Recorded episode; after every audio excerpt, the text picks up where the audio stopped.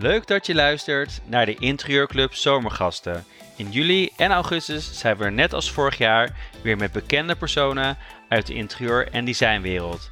Iedere week een zomergast die vertelt waar hij of zij inspiratie vandaan haalt. Deze week is onze gast ontwerper Edward van Vliet. Na 30 jaar Amsterdam voelde ik, eh, ik, had, ik was niet meer geïnspireerd. En ik dacht, ik moet gewoon nu een stap maken. En ik, uh, ik wilde gewoon heel graag naar een andere omgeving. En mijn uh, wens was altijd al om te verhuizen naar het zuiden. In ieder geval naar een mediterraan land.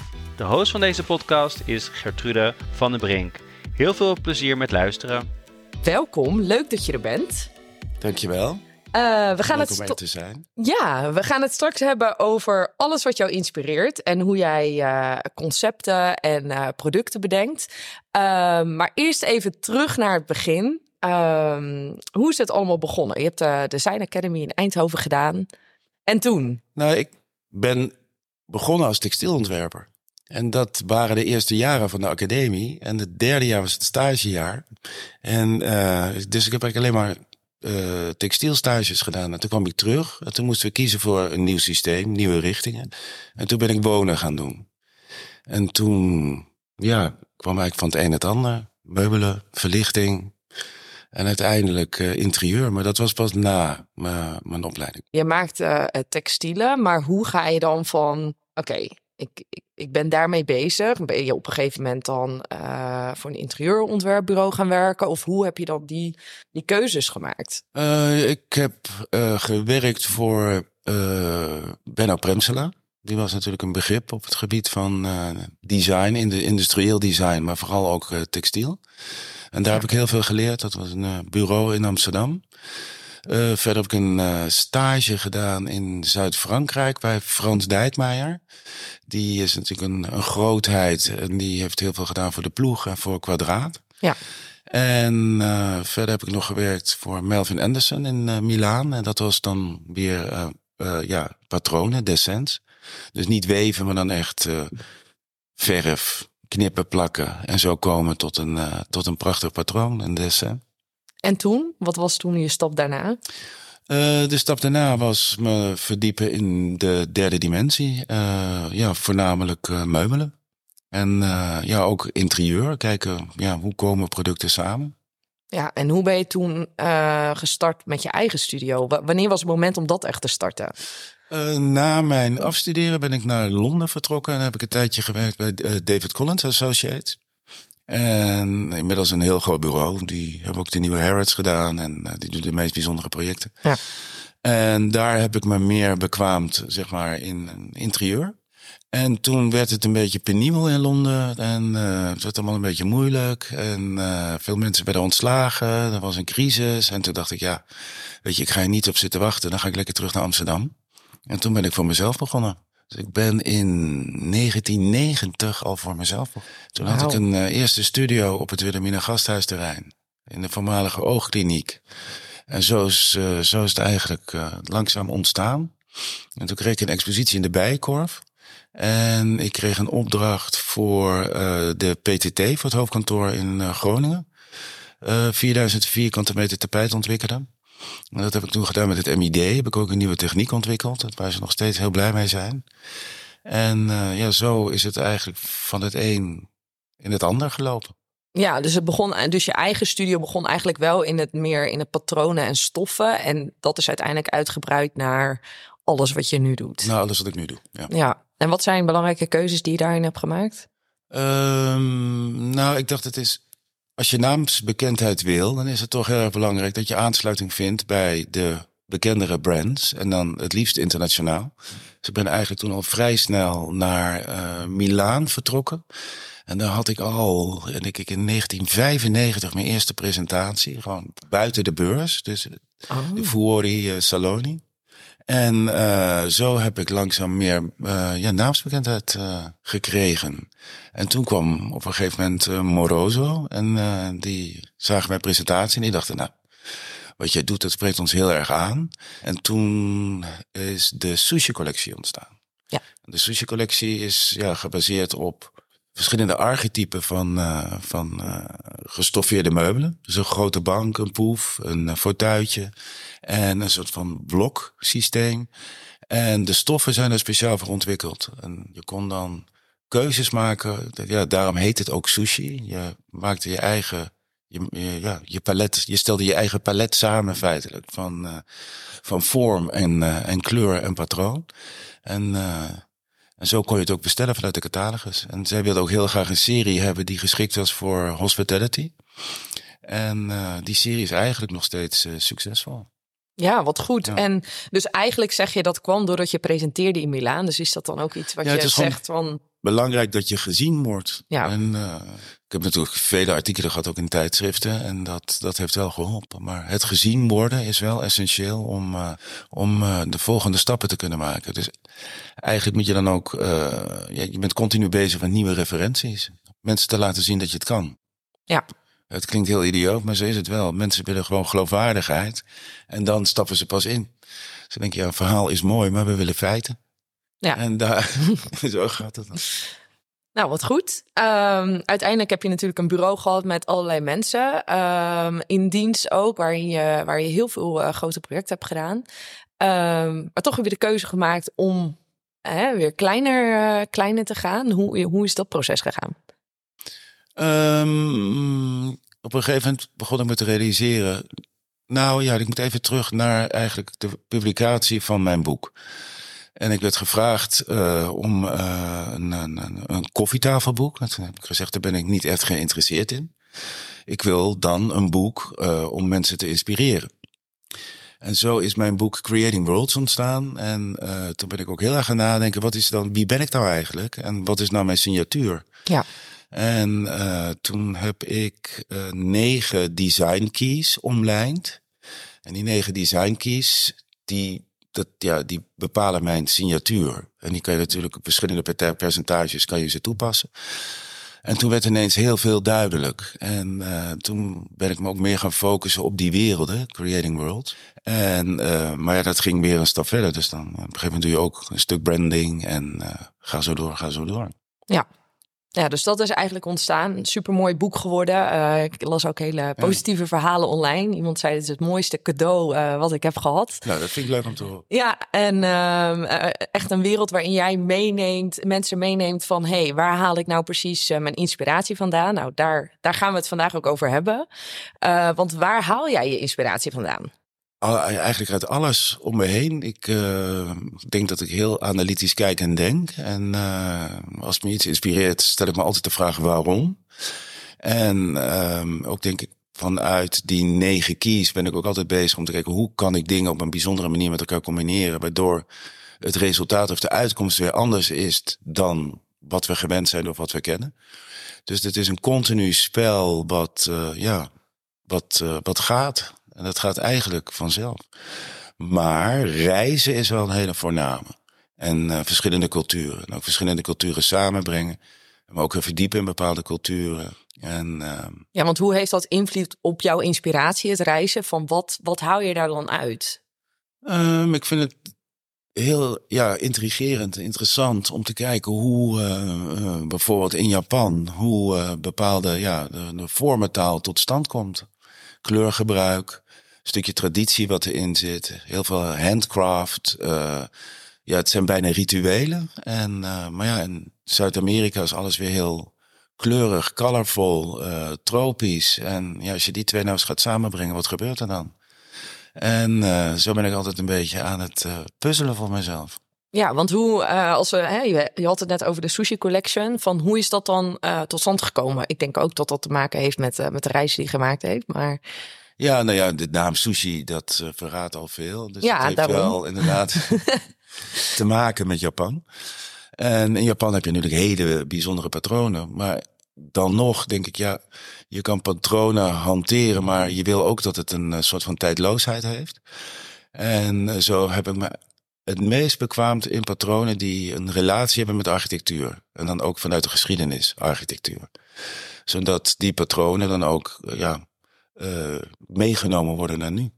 Ja, precies. Dus kijk je dan als je aan het reizen bent naar architectuur en denk je, hé, hey, dat is een tof patroon, hier ga ik iets mee doen? Of hoe, bijvoorbeeld bij de Sushi Collection heb je dan een, een concreet voorbeeld dat je denkt, hé, hey, ik was daar en daar, toen zag ik dit patroon en dat ben ik verder doorgaan. Nou, dit, dit, is altijd uh, kijken hoe dingen samenvallen of samenkomen. En het is ook heel veel uitproberen. En uh, dan denk je, hé, hey, dit is wel een hele bijzondere combinatie. En je moet ook keuzes maken. Dus in welke zo'n sushi collectie, ja, welke patronen worden het dan en waarom? En welke vormen gaan we hanteren? En, uh, maar dat het nog steeds overzichtelijk en duidelijk blijft, ondanks de vele mogelijkheden die het heeft. Nou, je gaf ook aan van hè, de context is voor mij altijd een hele belangrijke. Hè? Context is altijd een vorm van inspiratie, een belangrijk onderdeel.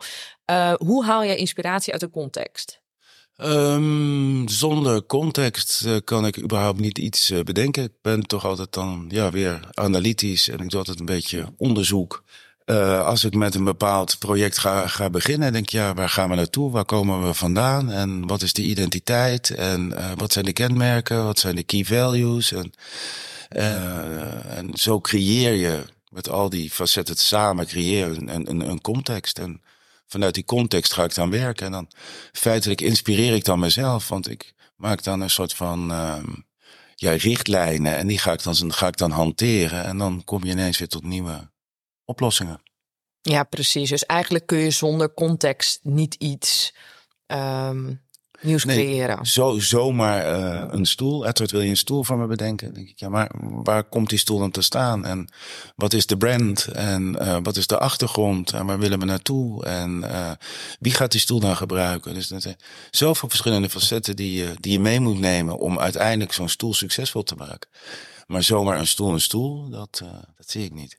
Nee, precies. Nee. Maar je zegt om zo'n stoel succesvol te maken. Dus eigenlijk ben je dan ook wel een beetje commercieel. Van dat je daar ook wel over nadenkt. Nou, ik vind het heel belangrijk dat je nadenkt, waar, waar, waar komt die stoel dan terecht? En, ja. uh, en in wat voor interieur en wat voor andere elementen passen goed bij die stoel? Of waardoor ontstaat er een synergie tussen producten in een ruimte? En wat kun je dan met zo'n stoel doen? Wat is dan de materialisatie? Wat is de dat is heel belangrijk. Context, dus bijvoorbeeld, die, hè, je hebt natuurlijk een, een modulaire bank uh, ook ontworpen. Dat is misschien wel een goed voorbeeld. Hoe heb je daarin, wat waren dan belangrijke elementen vanuit de context om nou, het ontwerp te creëren wat je nu gecreëerd hebt?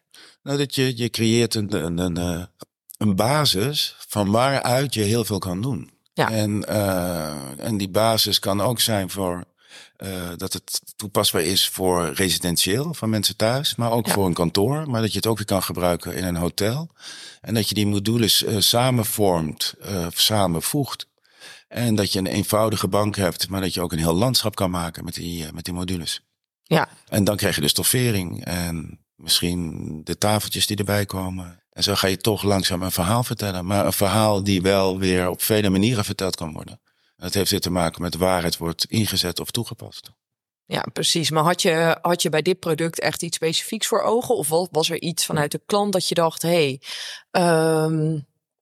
Nou, het was echt basic basic. En ik denk die modulaire bank, dat, uh, dat ik echt nog nooit eerder zoiets basics basics had nee. bedacht. Maar ik dacht, laat ik dat nou eens doen. En wat gebeurt er dan?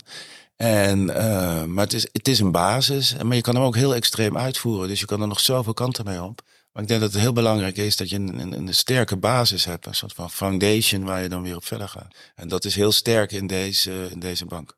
Ja, ja, hij is heel minimalistisch. Maar inderdaad, je kan natuurlijk ja. qua stoffen en, en alles natuurlijk nog helemaal uh, Want er komen nu ook weer uh, losse hoezen bij. Dus dan krijgt hij ineens weer... Dan hij wordt wat, wat, wat zachter, wat softer. Er komen tafels bij. Er komt, weet je, wat, dit is echt een, een wereld aan het worden. En uh, waar je heel veel kanten mee op kan. Oké, okay, nou, ik ben heel benieuwd. Um, een ander inspiratiebron voor jou is identity. Kan je daar wat meer over vertellen? Uh, ik geloof in een uh, sterke identiteit. En uh, ik geloof in eigenheid. ik geloof in uniek zijn. En ja, niet het herhalen van dingen die je kent. Maar en dan als het gaat over een bepaalde brand of project of opdrachtgever, dan wil ik ook uniek zijn daarvoor. En dan is identiteit gewoon een hele essentiële. Ja, en hoe inspireert dat dan jou weer van um, je wil zelf... Ja, door heel erg in de huid te, te kruipen van, uh, van de opdrachtgever. Ja. En te kijken, ja, waar komt die vandaan? En wat is de geschiedenis? En wat, uh, weer die context? En uh, waar willen we naartoe? En, maar die identiteit vind ik wel heel essentieel. Want ja, anders ga je hetzelfde doen wat, wat, je, wat je voor anderen doet. Of wat er al gedaan is. En ja, en dat ik vind denk wel minder interessant. Ja, nou ja, ik denk dat je daar ook heel sterk in bent. Uh, uh, ook in de ontwerpen die je maakt. Ja, hoe zorg je daarvoor? Want het is heel makkelijk inderdaad om te kopiëren of om heel erg mee te gaan op de trends. En, uh... Ja, trends. Dat is een heel mooi woord. Maar nee, ik wil, probeer er altijd een beetje aan vooruit te, lopen. En ik vind het leuker om na te denken over een nieuwe trend dan. Maar ja, trends. Ik vind het, het, ik, het voor mij is dat heel erg volgen. En ja. uh, ik ben geen volger. Ik wil juist een, uh, ja, ja, vooruitlopen. Juist nadenken over wat kan nog meer en, en hoe.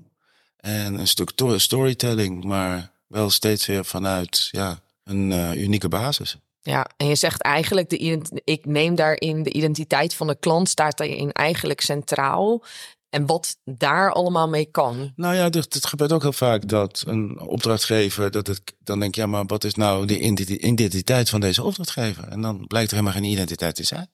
En uh, zo heb ik een tool ontwikkeld, een Experience DNA. En dat zijn uh, vele werelden. En dan ga ik met zo'n opdrachtgever doorheen. En dan ga ik kijken waar die opdrachtgever zich senang bij voelt. En van daaruit maak ik dan een, een identiteitsdocument. En daar gaan we net zo lang mee door totdat de opdrachtgever zegt, ja, dit zijn wij. En dan denk ik, ja, nu hebben we een basis. En nu gaan we de volgende stap maken. Maar ja, zonder ja. zo'n identiteitsdocument, dan denk ik, ja, wat zijn we dan aan het doen? Dan, weet je, dan landt het ook nooit ergens. En dan, en denk ik ook, ook qua marketing en positionering. En dan, ja, je, je, voor mij is het een essentieel uh, uitgangspunt, de identiteit.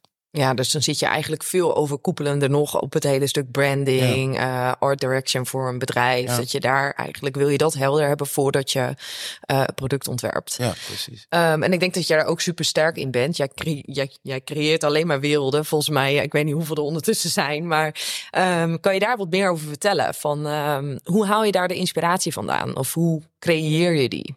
Mm, nou ja, voor mij, ja, het boek heet uh, Creating World. En uh, ja, dat heeft weer alles te maken met uh, ja, een stukje uniqueness, iets, iets, iets bijzonders doen. En uh, misschien is een leuk voorbeeld dat ik werd uitgenodigd door het ministerie van Buitenlandse Zaken. En ze zeiden, ja, we hebben de, het voorzitterschap van de EU. En we komen er niet uit. En ik dacht, ik had mijn boek bij me, dus ik legde het boek op tafel. En iedereen begint in dat boek te bladeren. En toen zeiden ze, maar dit is precies wat we willen. En toen dacht ik, die werelden die jij daar neerzet, zo'n wereld willen wij ook. En uh, toen heb ik eigenlijk vrij snel dat hele project gekregen. En ook het hele Scheepvaartmuseum, alle gebouwen eromheen, alles is toen uh, ingericht. Ja, dat zag er echt heel mooi uit. Uh... En dan ook de, in het Scheepvaartmuseum had ik een, uh, een, uh, een tafel ontwikkeld voor 84 ministers. Maar ook stoelen, alles uniek, tafels uniek. En dan, die stonden op een tapijt van 40 bij 40 meter. En dat tapijt was gebaseerd op een ontwerp dat ik heb gemaakt voor Mooi, de Celestial. En het was het universum. En ik dacht, ja, hoe leuk is dat? Want die ministers, die voelen zichzelf heel belangrijk. En nu worden ze ineens een stukje van het universum. En, en, dan zo'n wereld. denk ik, ja, dat is dan toch gepast, maar ook weer heel bijzonder. En dat ja. is ook heel goed ontvangen. Ja, het zag er ook heel tof uit. Ik heb ook een foto gezien van de bovenkant, waarin ja. je dat tapijt dan uh, heel goed ziet en iedereen ja. ziet zitten. En eigenlijk denk ik, dat is iedereen allemaal klein. Um, maar hoe heb je dan, um, waar heb je dan weer daarvoor? Hè? Dus uh, de, de, inspiratie voor dat grote kleed is natuurlijk het, kleed, hè, het ontwerp wat je al had gemaakt voor mooi. Maar de andere ruimtes, zijn er dan ook specifieke dingen dat je denkt, hé, hey, ik had, uh, hier haalde ik inspiratie vandaan of dit? Nou, je krijgt natuurlijk toch een beetje uh, de, de, de, de oud-Hollandse meesters. Ja. En um, uh, een stukje, ja, waar Nederland dan bekend om staat, is uh, to explore en to discover. En op die manier heb ik ook weer unieke patronen bedacht die daarop aansluiten. En zo heb ik al die ruimtes ingericht. En zo ben ik ook weer verder gegaan met de Sushi Collection, maar dan op een andere manier. Ook weer met nieuwe stoffen die dan weer aansluiting hadden op de EU. Veel donkerblauw, moet ik zeggen. Maar ja. wel weer met, met, met, met mooie patronen, maar allemaal daarop gebaseerd. Ja, heel tof. Ja, het was echt een heel, uh, heel mooi en uniek project. Um, dus dat, uh, dat is super tof om te zien. Um, je hebt natuurlijk je je signatuur, uh, die negen verschillende, uh, negen zijn het toch? Negen, ja. ja. Ehm, kan je daar wat meer over vertellen? Van, hey, hoe zorg je ervoor dat je eigenlijk die altijd toepast? Of hoe... Um... Nou ja, uh, kleur is voor mij altijd al essentieel geweest. Maar het komt ook een beetje uit mijn textielverleden. Dan ben je alleen maar aan het kijken of patronen, uh, dessins, hoe kleuren zich tot elkaar verhouden. En ik schuw nooit kleur, want ik denk dat je met kleur echt heel veel kan. En uh, ik heb ook interieurs gemaakt en mensen denken, oh, een hoop kleur, maar toch is het heel rustig. En dat kan. Ja. En ja, naast kleur patronen. En in patronen zit dan ook weer gelaagdheid. En gelaagdheid is er dan ook weer eentje. Uh, materialen, eigenlijk het meest natuurlijke materialen. Uh, want ik vind dat dat is voor mij ja, durability en sustainable. De plastics, dat is, daar ben ik geen groot voorstander van. Ja, verder licht is een hele essentiële. Want zonder goed licht, of nou daglicht is of maanlicht, weet je, kun je een ruimte toch niet ervaren zoals je hem zou willen ervaren. Je kan daar natuurlijk ook heel erg mee sturen.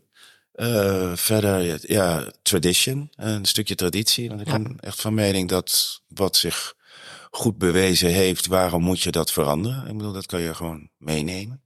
Heb je daar een concreet en, voorbeeld en van? daardoor heb je ook weer de, een stukje relatie met het verleden. En je associeert je ook weer met dingen die je kent. Dus daardoor wordt het ook weer vertrouwd. Ja. Uh, dat stukje tradition. Uh, ja, nou, hoe je dat dan meegenomen hebt in bepaalde dingen?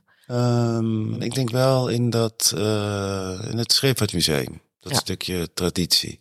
Dat stukje universum. En ja, het voelde ook wel weer vertrouwd. Ja, Ja. ja, en die Hollandse meesters is natuurlijk Ja. ook iets wat heel herkenbaar is, ook voor ja. buitenlandse bezoekers, dat je dat toch weer terugziet. En dat is heel Nederlands natuurlijk. En um, wat even trouwens een, een, zijstapje, maar wat ook heel bijzonder was in het hele project, is dat, uh, dat ik gebruik heb gemaakt van. Uh, je hebt natuurlijk de Nederlandse, de, de, de, de Hollandse meesters, maar die heb je ook nu. Dus je hebt heel veel talent in Nederland, fantastische fotografen. Dus ik heb dat, uh, toen dacht ik, ja, het gaat over mensen, die vergaderingen. Dus daar heb ik in alle ruimtes, daar hebben we een selectie gemaakt van uh, Nederlandse kunst, Nederlandse kunstenaars, ook heel veel fotografie. En overal door het gebouw heen, alles op één lijn, hebben we toen al die foto's en schilderijen en alles samengebracht. Maar het ging alleen maar over mensen. Wat tof. En wie, wie zijn dan die, uh, wie waren in dat project dan zichtbaar? Of wat zijn de Hollandse meesters van nu dan? Nou ja, ik bedoel, uh, uh, Erwin Olaf zat ertussen Ja. en uh, zo nog vele anderen. Maar ook bijvoorbeeld voetballers.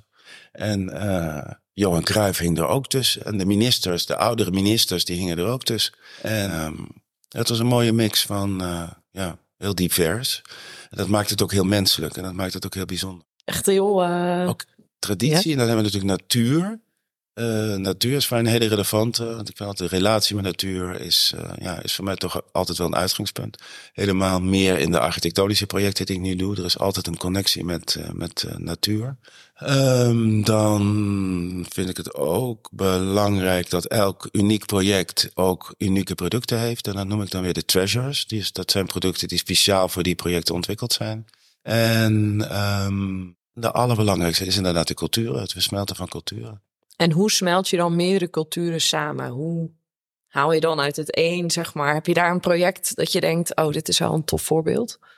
Um, ja, ik heb een project gedaan in uh, een resort in Mozambique. En dan ja. heb je toch een beetje de, de, de, Afrikaanse cultuur. En dat is dan weer versmolten met een beetje Indiase cultuur. Omdat die oostkust van Afrika, daar komt toch veel cultuur samen. En dan ga je dat met elkaar combineren. En dan krijg je toch weer bijzondere combinaties.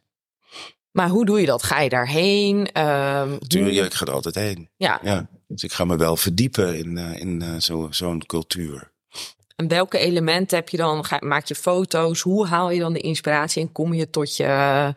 Ja, ik denk dat het uh, zo vanzelf gaat dat, dat ik daar niet echt een formule voor heb. Dat, dat, dat, dat ontstaat. Ik denk dat dat dan mijn creatieve gave is om daar op een andere manier naar te kijken of om daar stukken uit mee te nemen en uh, te gebruiken. Ja. Je hebt meerdere paviljoens ontworpen. Hoe kan je daar wat meer over vertellen? Ik ben een tijd bezig geweest met dat kwam toen eigenlijk net zo'n beetje uh, ja, aan de orde en dat waren die tiny, uh, die tiny houses. Ja. Dus daar ben ik van de opdrachtgever ben ik heel lang bezig geweest met dat te doen vanuit uh, zeecontainers. En ik geloof dat ik alles bedacht heb wat je maar kon bedenken. En toen, en toen dacht ik, ja, waarom zeecontainers? Dat maakt het alleen maar ingewikkeld en moeilijk. En grappig genoeg, later, zeg maar, dat richting de COVID, toen waren ineens geen, geen eens zeecontainers meer beschikbaar.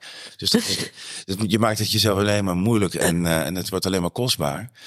Dacht ik, ja, waar gaat het nou eigenlijk over? En toen dacht ik, ja, het gaat erover dat je een dak boven je hoofd hebt. Ja. En toen heb ik een concept uitgedacht van een dak op uh, tien pilaren. Maar dat dak steekt dan wel een meter uit. En dus als je om het om het paviljoen heen loopt, dan, uh, dan heb je toch nog steeds beschutting, ook voor de zon en voor de regen. En uh, tussen die pilaren kan je het invullen zoals je wil, dus met verschillende bouwmaterialen. En toen ben ik daar uh, verder ingedoken en toen zijn de Kubiku pavilions ontstaan. En dat zijn dan feitelijk tiny ecological luxury pavilions. Want op het dak zitten dan weer zonpanelen, maar dan niet zoals wij ze kennen. Dat is een nieuwe uitvinding uit Denemarken. Het zijn glasplaten en die kunnen in elke kleur. Dus dit valt gewoon niet op. Het blendt weg in de natuur. En tussen de pilaren kan je het invullen. En het kunnen um, aluminiumkozijnen zijn met glazen deuren. Het kunnen uh, ja, houten deuren zijn. Het kan steen zijn. Uh, gordijnen. Ik bedoel, je, kan, je kan er natuurlijk eindeloos in, uh, in, in, in, in doorgaan. Um, en toen heb ik drie varianten uit, uitgedacht. En eentje is een beetje de Malibu variant. En die is weer gemaakt met geglazuurde open blokken. En uh, heel colorful. En uh, een andere is weer de, de Noto variant. En dat is dan weer met zandsteen. Dus die zou je heel goed kunnen bouwen ergens in de, in de, in de Mediterranee. Ja. En dan is er ook nog eentje die, die is dan uitgevoerd in hout. En dat zou ook weer in Japan kunnen zijn of in Tulum. En zo heb je drie varianten, maar heel anders. Maar de, op dezelfde manier uh, gebouwd. En alle techniek zit in de pilaren. Dus je, je kit is een stukje prefab en verder kun je hem opbouwen zoals je wil. Het bijzondere is van die, die paviljoens dat je daar die aansluiting met, met het interieur heel goed kan doen. Dus elk, elk, uh, ja, elk paviljoen krijgt ook zijn eigen uh, interieurpakket.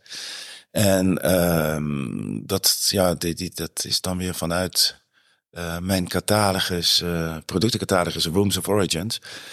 Dus je kunt unieke pakketten aan producten maken en die sluiten weer aan op de keuze die je maakt voor het paviljoen. Dus het is een totaalpakket. Dus als je zo'n unit koopt, dan krijg je ook je, je interieur erbij. Je bent natuurlijk uh, onlangs, of ik weet niet precies hoe lang geleden het is, verhuisd. Um, wat, wat heeft dat voor invloed voor jou gehad op uh, waar je inspiratie vandaan haalt? Um, ik, na 30 jaar Amsterdam voelde ik, uh, ik, ik, had, ik was niet meer geïnspireerd. En ik dacht, ik moet gewoon nu een stap maken. En ik, uh, ik wilde gewoon heel graag naar een andere omgeving. En mijn uh, wens was altijd al om te verhuizen naar het zuiden. In ieder geval naar een mediterraan land. En ik heb altijd getwijfeld tussen Italië en, en Spanje. Toen op een gegeven moment ik de knoop doorgehad. ben ik naar Spanje vertrokken. En, en werk nu vanuit daar. En ik denk ook dat mijn signatuur meer aansluiting heeft op zuidelijke culturen dan noordelijke culturen. En daar gebeuren nu dingen die hier in Nederland niet gebeuren. En daar ben ik wel heel blij mee. Zoals? Nou, ik ben gevraagd door een, uh, een, uh, een grote partij, een grote speler in de wereld, waarvan ik de naam helaas niet mag noemen. Maar die belde mij om te vragen of we hun een project uh, wilden doen. Maar naar aanleiding van het feit dat ik verhuisd was naar, een, uh, naar Spanje. Zei, als je nog in Nederland had gezeten, dan had, hadden we je dat project niet gegeven. Want we vinden het heel belangrijk dat, dat, dat, dat je de Latijnse cultuur snapt. En toen dacht ik, hé, hey, dat is wel bijzonder. Dat dan, weet je, je maakt een move en dan krijgt het ook weer nieuwe resultaten. En, ja. En uh, zo werk ik nu ook voor verschillende bedrijven in, uh, in Brazilië. En uh, dus ik, het is allemaal wat meer, ik ben wat meer naar het zuiden afgezakt, maar dan letterlijk ook. Ja. Maar dat, uh, daar ben ik erg blij mee. Ja, en ook nu voor wat meer Spaanse bedrijven en Italiaanse bedrijven natuurlijk. Maar dat deed ik al. Maar het is allemaal wat dichterbij en het is allemaal uh, ja, erg makkelijk te, te, te bereizen. Ja, en je, je zegt van in Amsterdam raakte ik niet meer geïnspireerd. Raak je uh, in Barcelona wel geïnspireerd? Ja, nee, en, ja, en, waarvan dan? Je, je, je kent de stad niet. En, uh, maar ik, ik woon zelf in een heel bijzonder modernistisch pand. En elke kamer heeft een andere mozaïek op de vloer. Mijn producten zijn nog nooit zo goed tot zijn recht gekomen als daar. En um, ja, ik word erg geïnspireerd nou, door, door, door, door de architectuur, maar ook door de cultuur, um, door de natuur. Uh, vanuit Barcelona zit je zo uh, in prachtige natuurgebieden. Ja, het, uh, ik, ik word daar vrolijk en blij. En, ik, en lekker weer, zeggen, ook fijn. Dat is natuurlijk ook een essentieel onderdeel. Uh, maar ik ben nog nooit zo creatief geweest als daar. Het, uh, het lijkt wel of, uh, of ik aan het exploderen ben. Maar dat is, dat is dus een goed teken. Dus dat was een goede stap. Wauw, ik had het nodig. En ja, de afstand Nederland-Spanje is natuurlijk ook niet gigantisch. Dus nu zit ik ook weer in Nederland. Dat is allemaal niet zo ingewikkeld. Maar als basis ben ik nu wel heel, heel happy in, in Barcelona. Wat is iets waar je nu dan mee bezig bent? Uh, op het moment uh, ben ik bezig met het, uh, het opzetten van een nieuwe hotelbrand. En een eerste hotel gaan we doen in ergens Oost-Afrika. Er zijn verschillende stukken waar dat misschien zou kunnen. En, maar dat is met een investeerder, ook uit, uit Spanje. En um, ja, daar gaan we nu mee starten. En daar komt eigenlijk alles samen. Dus daar komen verschillende culturen samen. Alles uh, is uniek ontworpen, de gebouwen zijn uniek. Uh, de, de, hele uh, service, de treatments. het is echt, het is bijna een vierdimensionaal project. En het gaat ook wat meer over transformational tourism. Dus het is echt dat je naar een destination gaat waar je jezelf ontwikkelt, ontplooit en een volgende stap maakt in je ontwikkeling. En heb je het hele concept uitgedacht? Alles. En uh, dat, is een, uh, dat is een hoop werk, maar erg, erg uh, ja, interessant en bijzonder om aan te werken. Nou, we zijn benieuwd. Ja. Nou, ik wil je heel erg bedanken voor, voor je tijd en het delen van waar jij inspiratie vandaan haalt. En nou, dat we hier bij jou thuis deze podcast mochten opnemen. En ik wens je een hele fijne zomer. Nou, fantastisch. Ik vond het erg prettig. Bedankt voor het luisteren naar de allereerste aflevering van de Interieurclub Zomergasten. Volgende week is ontwerper Nicole Dome te gast. Wil jij weten wie onze andere vijf zomergasten zijn? Kijk dan op onze website www.deinterieurclub.com.